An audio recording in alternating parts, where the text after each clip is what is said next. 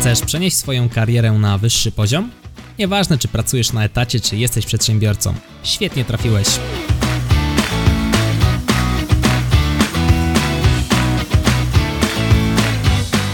Nazywam się Michał Kowalczyk i witam Cię w Excellent Work Podcast.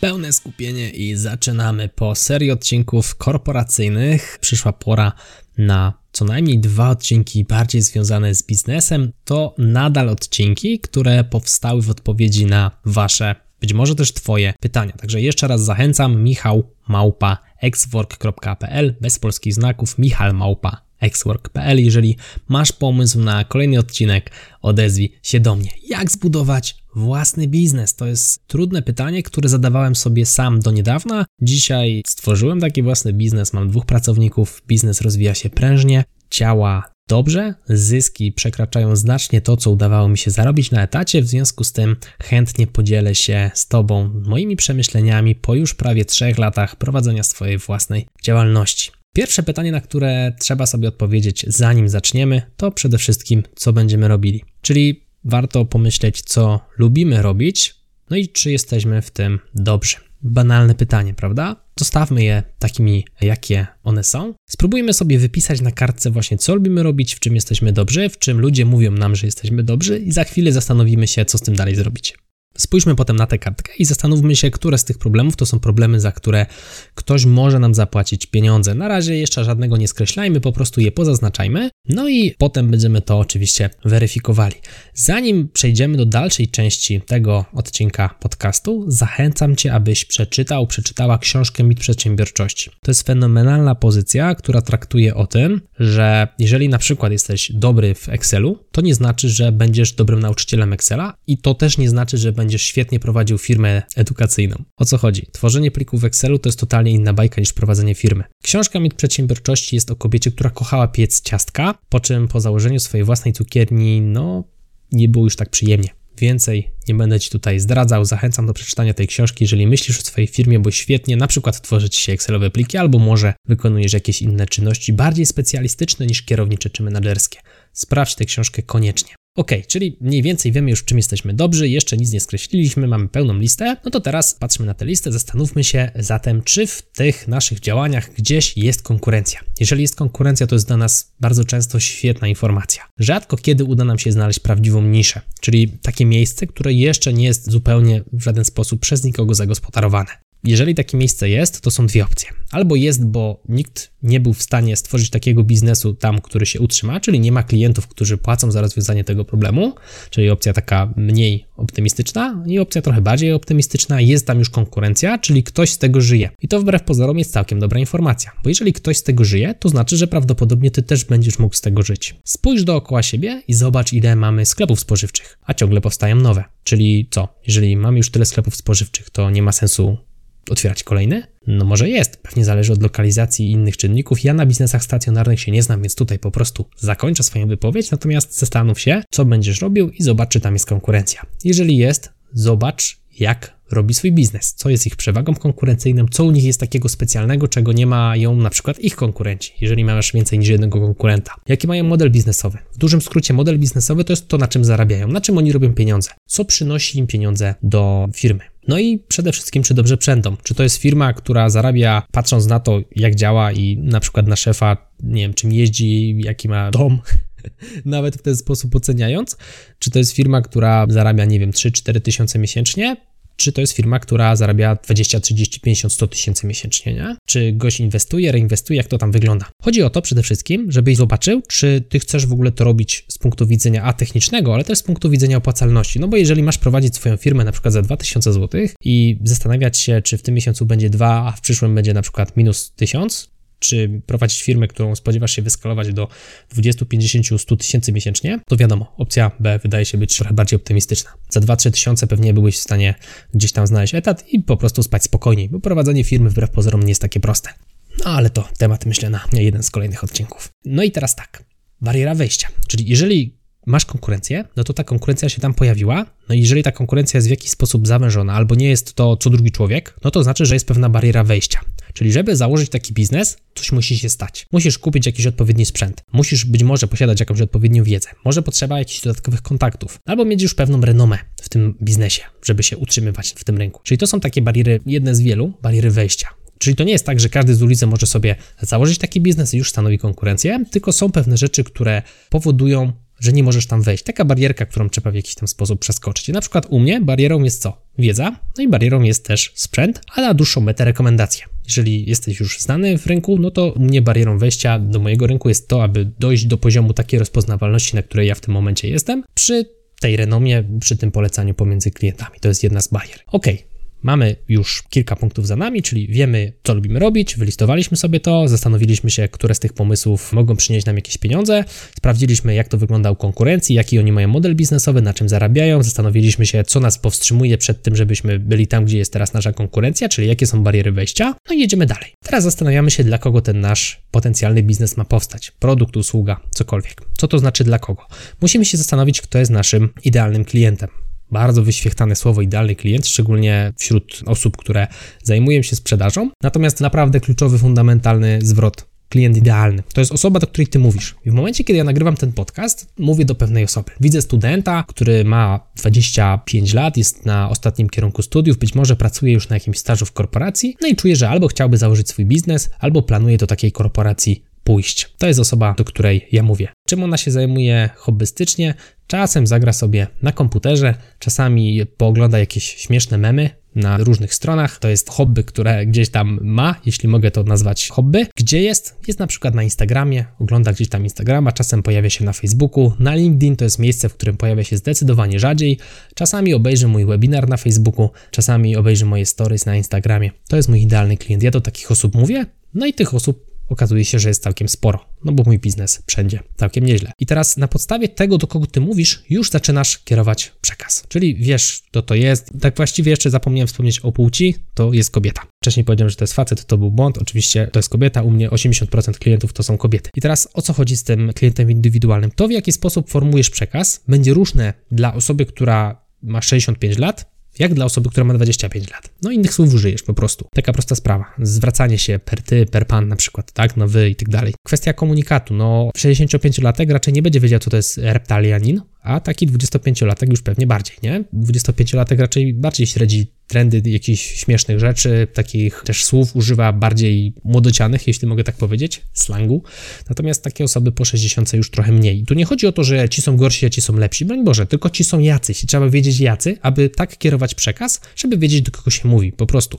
Albo też wiedzieć, gdzie te osoby można spotkać. No, prawdopodobnie dużo mniej, gdybyśmy wzięli wszystkie osoby po 60 i sprawdzili procentowo, ile z tych osób ma Instagrama, to zdecydowanie pewnie ten procent byłby mniejszy niż wśród osób, które są w wieku 25 lat. Tak po prostu, statystycznie. Więc jeżeli tworzymy produkt dla osób po 60 i komunikujemy go na Instagramie, prawdopodobnie będzie nam ciężej dotrzeć do większej liczby osób, które są w tym wieku, niż gdybyśmy robili to dla osób młodszych. Tak po prostu to działa. Natomiast gdybyśmy na przykład sprzedawali, no nie wiem, kury, to łatwiej będzie nam się ogłaszać na drzewach kartki, na drzewach to może nie, na tablicach ogłoszeniowych kartki z napisem sprzedam kury, no bo takie starsze osoby gdzieś sobie tam idą, zerwą sobie karteczkę, będą do nas dzwonić za pomocą telefonu zwykłego stacjonarnego.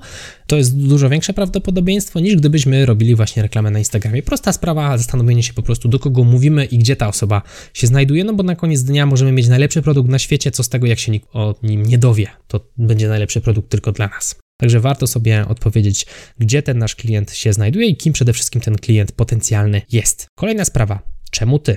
No bo jesteś w tym fajny, ale, ale dlaczego ty? Czyli znowu, tym razem musisz się zastanowić, badając rynek, czy on to przyjmie, czy on tego nie przyjmie. I to znów, co to znaczy badając rynek? Prostym przykładem jest stworzenie jakiegoś takiego bardzo prostego produktu albo usługi, no i zapytanie kogoś, kto powie, że on to bierze w ciemno, aby ci zapłacił.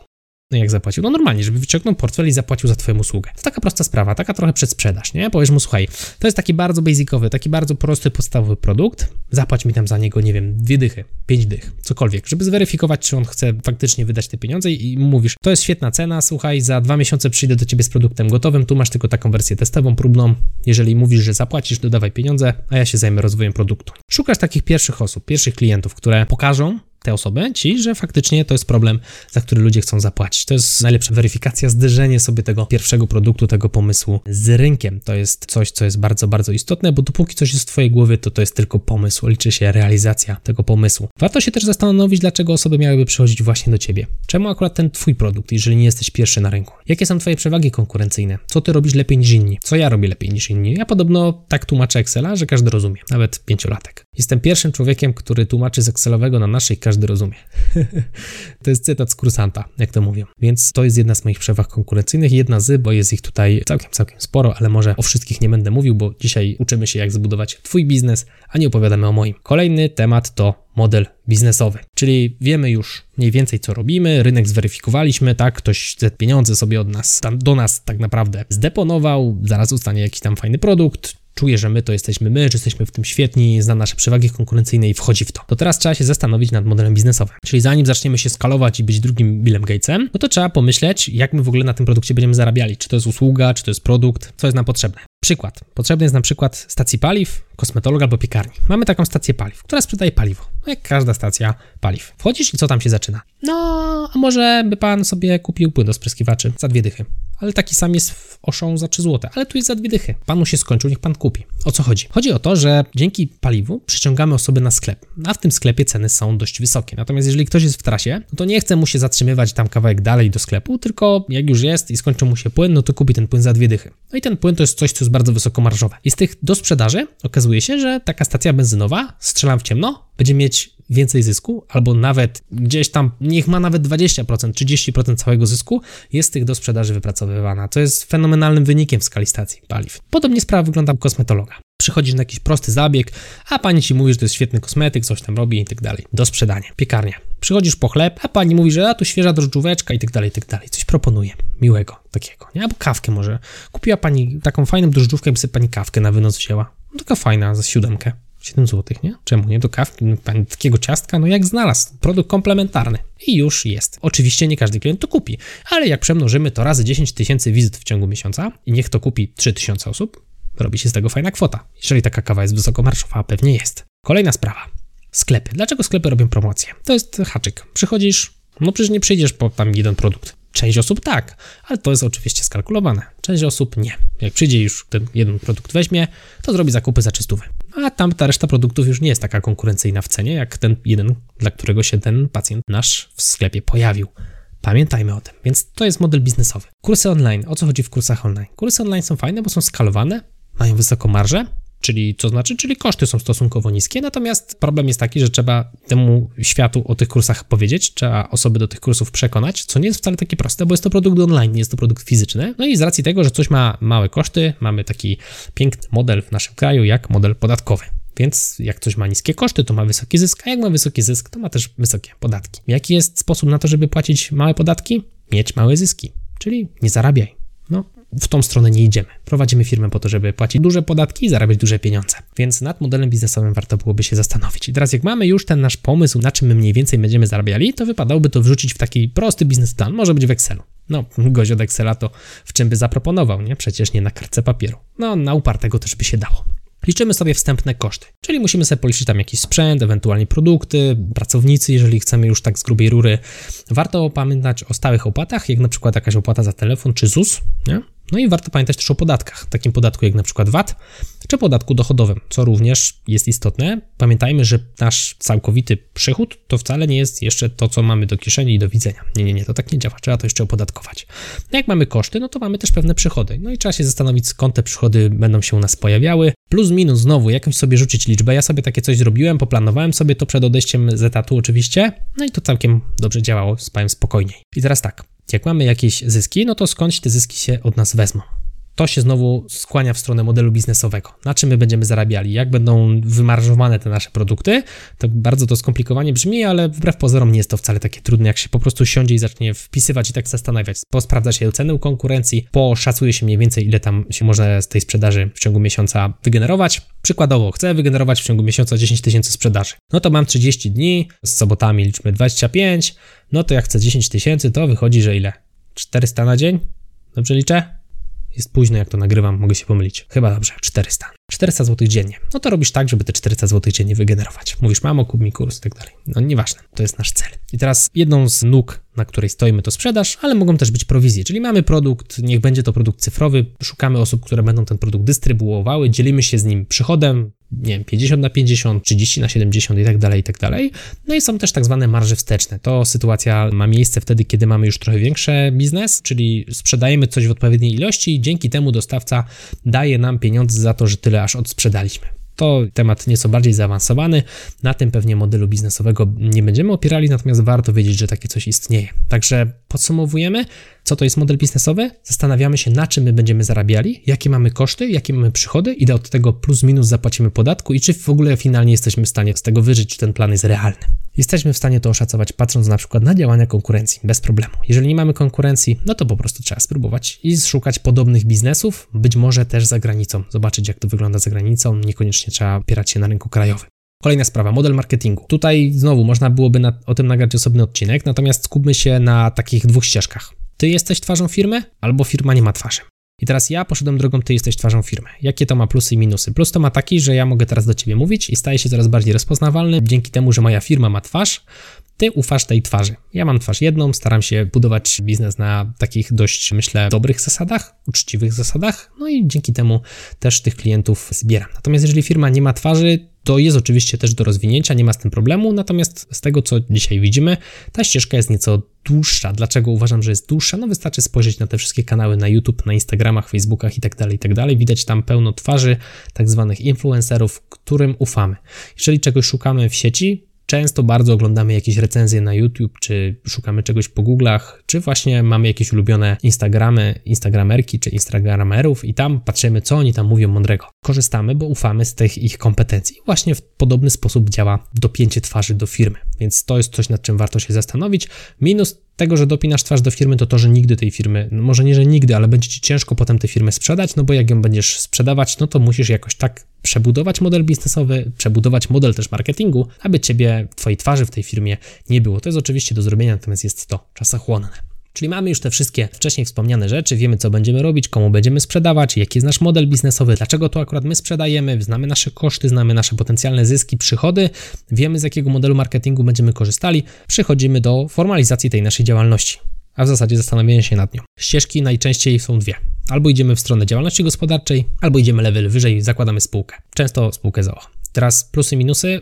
Na samym początku myślę, że lwia część osób jednak wybiera działalność gospodarczą. Dlaczego wybieramy działalność gospodarczą? Bo jest nieco prostsza w prowadzeniu. Czyli w dużym skrócie idziemy do pani księgowej, ona nam tam wszystko robi. Wrzucamy jej, outsourcujemy. To jest w ogóle pierwsza rzecz, którą zachęcam do outsourcowania. Wyrzućmy to, naprawdę, niech ta księgowa śledzi te przepisy, zapłaćmy jej tam te 150 zł średnio, czy 200 zł z rozliczenie, niech sobie to weźmie, wszystkie faktury, wszystko, wszystko niech ona to zrobi. Naprawdę będziemy spać spokojniej. Działalność gospodarcza pozwala nam mieszać finanse prywatne z finansami firmowymi. W dużym skrócie chodzi o to, że możemy sobie robić przelewy pomiędzy kontem firmowym a naszym, nie ma z tym żadnego problemu, nie ma pełnej księgowości tak zwanej. Natomiast przy spółce, ta nasza spółka to jest tak jakby osobny człowieczek.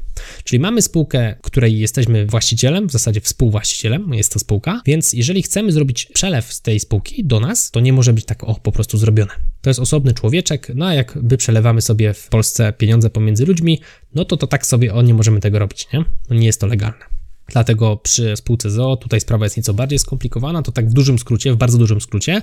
Natomiast z racji tego, że jest to nowa osobowość prawna, no to mamy pełną księgowość, mamy też ochronę majątku, czyli możemy ogłosić upadłość spółki. Upadłość działalności gospodarczej wiąże się z tym, że jesteśmy bankrutami, tracimy wszystko, a spółka sobie tam bankrutuje osobno na boku. To tak w dużym skrócie, ja nie jestem specjalistą w prowadzeniu spółek, bo spółki nie prowadzę, obecnie działam na zasadzie działalności gospodarczej. Kiedyś docelowo chciałbym taką spółkę założyć, natomiast na razie jeszcze nie widzę takiej potrzeby. Jedziemy dalej. Wiemy już, co chcemy zrobić. Zachęcam ogólnie do działalności gospodarczej. Teraz pora stworzyć nasz produkt lub usługę. Zrobiliśmy to już wcześniej na etapie weryfikowania rynku, zrobiliśmy taki bardzo, bardzo prosty produkt, natomiast możemy go tam troszkę ulepszyć i nazwać go tak ładnie MVP Minimum Viable Product, czyli pierwszy wartościowy produkt. Minimum funkcjonalności, ale to taki produkt, który jest do rozbudowy. Czyli nie robimy na przykład, jak to ładnie powiedzieć, jak mamy tworzyć rowery, to nie robimy samych kół albo samej ramy, Tylko robimy co? Jakiś taki mały rowerek drewniany, pozbijany z desek, ale ma koła, ma wszystko, nie? Da się nim jeździć, jest elegancko. To jest takie MVP i można coś potem nad nim nadbudowywać, nie? Czyli na przykład koła dać lepsze, ramę ulepszyć i tak dalej, nie wiem, omalować ramę, nie? To jest pierwsze ulepszenie. Także tworzymy takie MVP, no i próbujemy z tym MVP do ludzi uderzać. Zawsze zapisujemy procesy, czyli zawsze zapisujemy w firmie to, co robimy, nawet od samego początku, nie? No, takie podstawowe sprawy, co ja tam sobie robiłem, notujemy, żeby nam było łatwiej potem odtworzyć to w przyszłym tygodniu. Na koniec dnia działalności będą opierały się o pewną cykliczność. No pewne rzeczy robimy co miesiąc, nie? Rozliczamy się co miesiąc i tak dalej. Ja na przykład live robię co tydzień, podcast nagrywam co tydzień, vloga nagrywam co tydzień, Instagrama nagrywam co tydzień, jakieś tam posty wrzucam regularnie w odpowiednie dni i tak dalej, i tak dalej. Firma to jest cykliczność. Tak jak na etacie robisz raporty i tak dalej, to jest wszystko oparte o cykliczność. Dlatego jak zapiszesz sobie procesy, łatwiej będzie ci się w tej firmie żyło, łatwiej będzie ci to optymalizować, łatwiej będzie ci usuwać też te procesy, które do niczego nie prowadzą. Kolejna sprawa, patrz co działa, a co nie działa. Mierz co się kurcze da. Wszystko co się da, mierz.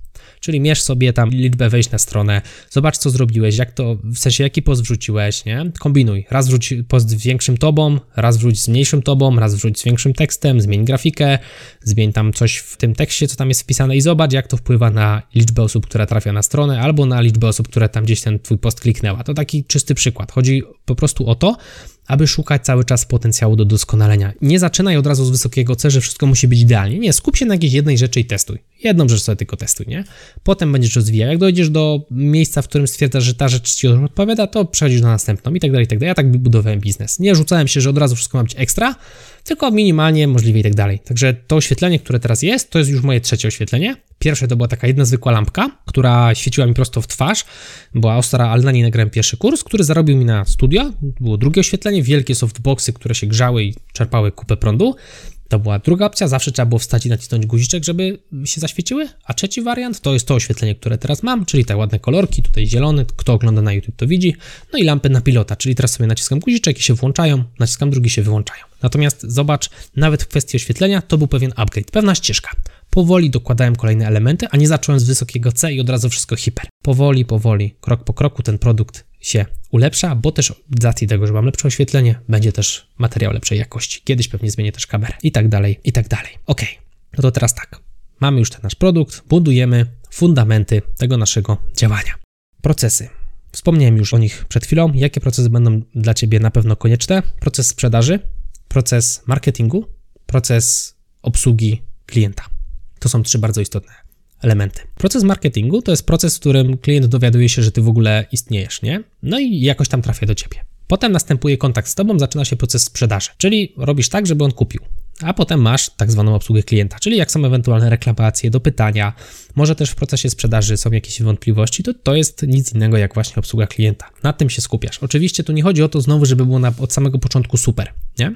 Powoli nadbudowujesz, czyli to jest prosty proces marketingu, jakiś jeden kanał dotarcia, na przykład wybierasz sobie YouTube, będziesz robił YouTube'a, albo wybierasz sobie Instagram, będziesz robił Instagrama, daję przykład. I tam będziesz promował swoją działalność, swoje produkty czy swoje usługi. Potem dodajesz kolejny kanał i tak dalej. Więc nie od razu, jak to mówi moja mama, nie hop byk na krowę już ciele, tylko trzeba na to trochę czasu i cierpliwości. Dlatego bardzo zachęcam Cię do konsekwencji. Powoli wraz z tym, jak Twój biznes będzie rósł, rozbudowuj produkt, ulepszaj go, no i dojdziesz do sceny, w której będziesz mógł delegować procesy. Będzie to dla Ciebie zdecydowanie prostsze, jeżeli będziesz je miał spisane. Dlatego zachęcam Cię, abyś to robił od samego początku, bo spisany proces jest dużo łatwiej wydelegować. Wiesz, co robisz krok po kroku, możesz to dać komuś, ktoś to zrobi za Ciebie, odzyskujesz czas, dzięki czemu możesz myśleć o tym, jak tę firmę dalej popychać. Więc jesteśmy już trochę dalej, firma stoi. Najważniejsze w prowadzeniu firmy w moim odczuciu to jest dyscyplina i konsekwencja. Znowu dwa utarte słowa, które są powszechne. Trzeba być zdyscyplinowanym i konsekwentnym. No trzeba być dyscyplinowanym i konsekwentnym. To jest coś, o czym ja już wcześniej wspomniałem przy cykliczności zadań. Firma to nie jest tak, że codziennie robisz co innego. No kurczę, są zadania, które robisz regularnie na podstawie tygodnia, miesiąca, kwartału itd., tak itd. Tak Dlatego bardzo Cię zachęcam do tego, abyś zaczął planować swoje zadania. Nawet takie najprostsze, banalne. To jest bardzo dobry nawyk, który potem rozbudujesz znowu w ramach prowadzenia firmy. Tych zadań będzie się pojawiać coraz więcej. Ja korzystam z aplikacji ClickUp. Jeszcze raz to przypomnę. Świetna, fenomenalna i na Twoje potrzeby bezpłatna. W sumie na moje też, natomiast ja płacę z dobrej woli, bo jest tak fajna, że płacę w ramach dziękuję. Rób konsekwentnie do skutku z otwartą głową. O co chodzi? To nie jest tak, że ty dzisiaj założysz biznes i po miesiącu będziesz miał już przychody, które pozwolą ci odejść z etatu, jeżeli wybierasz opcję pracy na etacie i firmy. Albo że ty się dzisiaj zwalniasz, bo jutro zakładasz firmę. Uważam, że nie do końca to jest dobra droga. Raczej proponowałbym ci próbować złapać dwie sroki za ogon, ciągnąć jedno i drugie, powoli rozbudowując swoją firmę. Ja tak zrobiłem. Doszedłem do sceny, w której moje przychody z firmy plus minus były takie jak przychody z etatu. No i to była scena, w której zacząłem się zastanawiać, czy się zwolnić. No i zdecydowałem się zwolnić. I teraz o co chodzi z tym robieniem do skutku? To też nie chodzi o to, że ty robisz coś w kółko, efekt jest cały czas taki sam i ty uważasz, że jest ok bo w końcu coś przyjdzie. Nie. Staraj się takimi małymi krokami sprawdzać, czy na przykład, nie wiem, zasięgi rosną, czy coraz więcej osób się o tobie dowiaduje, może jest więcej zapytań, może jest więcej zapytań, ale mało sprzedaży, ale się pojawiają te zapytania i tak dalej. Dlatego chodziło o to mierzenie. O tym również wspomniałem wcześniej. Jeżeli nie mierzysz, to nie wiesz, czy idziesz w dobrą stronę. Jeżeli robisz coś konsekwentnie, a nie widzisz poprawy, no to głupotą jest zrobienie tego dalej. To jest ta scena, w której trzeba otworzyć głowę i powiedzieć, no, sorry, nasypać trochę popiołu, zrobimy coś inaczej, próbujemy. To jest to, o czym również wspomniałem, zmieniamy tekst na grafice, nie? Może ta akurat nie jest dobra. I tak dalej, i tak dalej. I uczenie się. Czyli raz, że ty coś zmieniasz, a dwa, że próbujesz pozyskać nową, aktualną wiedzę w materii marketingu, sprzedaży czy obsługi klienta. Te trzy obszary są dla ciebie na samym początku kluczowe. Potem będziemy się doskonali w rozwoju produktu i tak dalej, i tak dalej. Natomiast to są bardzo istotne sprawy. Myślę, że mamy to, nie? Plus minus. Znowu całkiem długi odcinek, natomiast to jeszcze nie jest koniec. Podsumujmy. Czyli tak, co będziesz robił? Dla kogo to będziesz robił? Czemu akurat ty? Na czym będziesz zarabiał? Jaki wybierasz model marketingu? Jaki rodzaj prowadzenia firmy? Tworzysz produkt taki podstawowy, potem go rozbudowujesz, budujesz fundamenty działania firmy, czyli skupiasz się na prostym procesie marketingu, sprzedaży i obsługi klienta, dodajesz sobie pierwszy kanał komunikacji i w tym kanale sobie działasz, mierzysz co się da, jesteś zdyscyplinowany i konsekwentny, czyli robisz, nie ma że boli, a konsekwencja chodzi o to, aby cały czas dążyć do celu, nie spodziewać się efektu na drugi dzień, natomiast mieć otwartą głowę na tyle, aby zauważyć, że to, co robisz, nie idzie w dobrym kierunku i pora na małą zmianę. Teraz padły do mnie też trzy pytania od innych osób, natomiast nie zrobiłem z nich osobnego odcinka. To są pytania w stylu, co bym zmienił, zrobił szybciej albo zrobił inaczej, czego bym nie zrobił i jakich rad sam bym sobie udzielił sobie młodszemu. No to po kolei. Co bym zmienił, zrobił szybciej albo zrobił inaczej. Przy biznesie online, który ja prowadzę, albo biznesie e-commerce, jeżeli myślisz o handlowaniu jakimiś tam produktami wszelkiej maści w sieci, zachęciłbym Cię gorąco do tego, abyś zrobił sobie listę mailingową. To jest coś, co ja robię dopiero od zeszłego roku, czyli od roku i trzech miesięcy, a firmę prowadzę prawie trzy, więc to jest coś, co zrobiłem nieco później, wierzyłem ślepo w Facebooka i tak dalej. To był błąd. Lista mailingowa jest kluczowa. Naprawdę jest kluczowa. Jeżeli jej nie masz, zrób wszystko, żebyś ją miał. Jest kilka narzędzi, które umożliwiają zebranie około bodajże 2000 osób. Jedną z nich jest MailChimp, a drugą jest chyba MailerLite. To są dwa narzędzia, przy czym skłaniałbym się bardziej w stronę MailerLite'a. Do tej listy bym Cię bardziej zachęcił. Ona jest bezpłatna bodajże do 2000, jak się nie mylę. Teraz jest to nieco prostsze, dzięki temu, że mamy RODO, nie trzeba nigdzie tego zgłaszać do żadnego GIODO, GUODO, PUODO i tak dalej. Możemy sobie na spokojnie tę listę mailingową robić, oczywiście przestrzegając cały czas RODO zaakceptowałbym to, jaki jestem. No ale w sensie, że jak? No już ci tłumaczę. Bycie przedsiębiorcą jest o dbaniu o swoją głowę. Na, na koniec dnia, nie? Kto prowadzi firmę? Przedsiębiorca. Kto ma tutaj całą taką, szczególnie taką małą, nie? Kto ma taką moc koncepcyjną? Mam, mam tych dwóch pracowników, kto tutaj rozkminia wszystkie rzeczy? Kto dba o procesy, kto to wszystko ustala? No przedsiębiorca. Jeżeli przedsiębiorca ma problem z zaakceptowaniem siebie, ma problem jakiś z psychiką, w sensie taką, nie wiem, z pewnością siebie, może się czegoś boi i tak dalej. Bać się normalna rzecz, ale chodzi o to, żeby jakoś tam ten strach też opanowywać, nie? Nie wiem, boi się odpowiedzialności na przykład. No to wprowadzenie firmy, odpowiedzialność to jest chleb powszedni, nie? Więc takie dbanie o swoją głowę jest kluczowe w prowadzeniu firmy.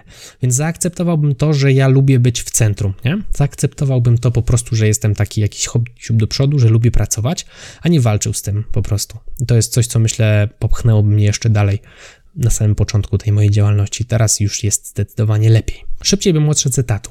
Tak, to jest coś, do czego zachęcali mnie moi koledzy przedsiębiorcy chyba z rok albo lepiej. Ja czekałem, natomiast w momencie, kiedy opuściłem etat, moje przychody wyszczeliły w kosmos i pamiętam jak dziś datę 21 stycznia, czyli 21 dni po opuszczeniu etatu, byłem w 100% pewny, że to była zarobista decyzja. Trzy tygodnie potrzebowałem, żeby się upewnić. Jak to zrobiłem? Trzy miesiące przed odejściem policzyłem sobie budżet, nie? Czyli policzyłem sobie moje przychody z firmy, no i plus minus oszacowałem, ile w przyszłym roku bym zarobił, czy ja z tego wyżyję przy takim pesymistycznym scenariuszu, nie? Czyli takim realnym do wykonania gdyby mi się wszystkie możliwe nogi powinęły. Oczywiście ja odchodziłem w momencie, kiedy wyrównałem sobie pensję e, z firmy pensją z etatu.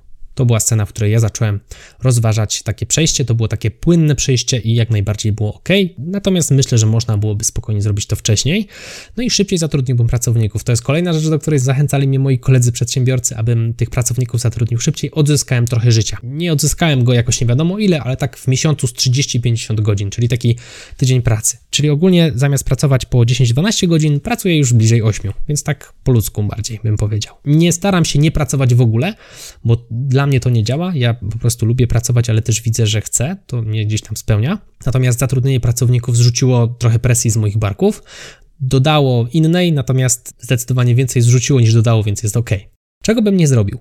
Przede wszystkim bardziej bym ufał swojemu zmysłowi. Był taki jeden deal, taka jedna współpraca, z której nie byłem zadowolony i wiele osób mnie przestrzegało przed tą współpracą, a ja sam też czułem w środku, że chyba nie chcę do tej współpracy doprowadzić i więcej mnie to mm, jakby zarobiło mi tak na tym, ale dużo czasu mi zeszło, żeby to wszystko sobie gdzieś tam poukładać z nimi, no i też z nich zrezygnować. Bardzo dużo nerwów, co miesiąc były z nimi problemy, wytrzymałem chyba pół roku i zrezygnowałem. Także nie byłem na tyle otwarty, sam sobie na tyle nie ufałem, żeby powiedzieć nie w momencie, kiedy przyszła ta oferta, mimo że czułem, że chyba będzie coś nie halo. Teraz już zdaje się na ten mój feeling. No i druga sprawa, czego bym nie zrobił, ostatnio skończyła się sprzedaż kursu zaawansowanego w takiej premierowej cenie i uważam, że zrobiłem to za tanio.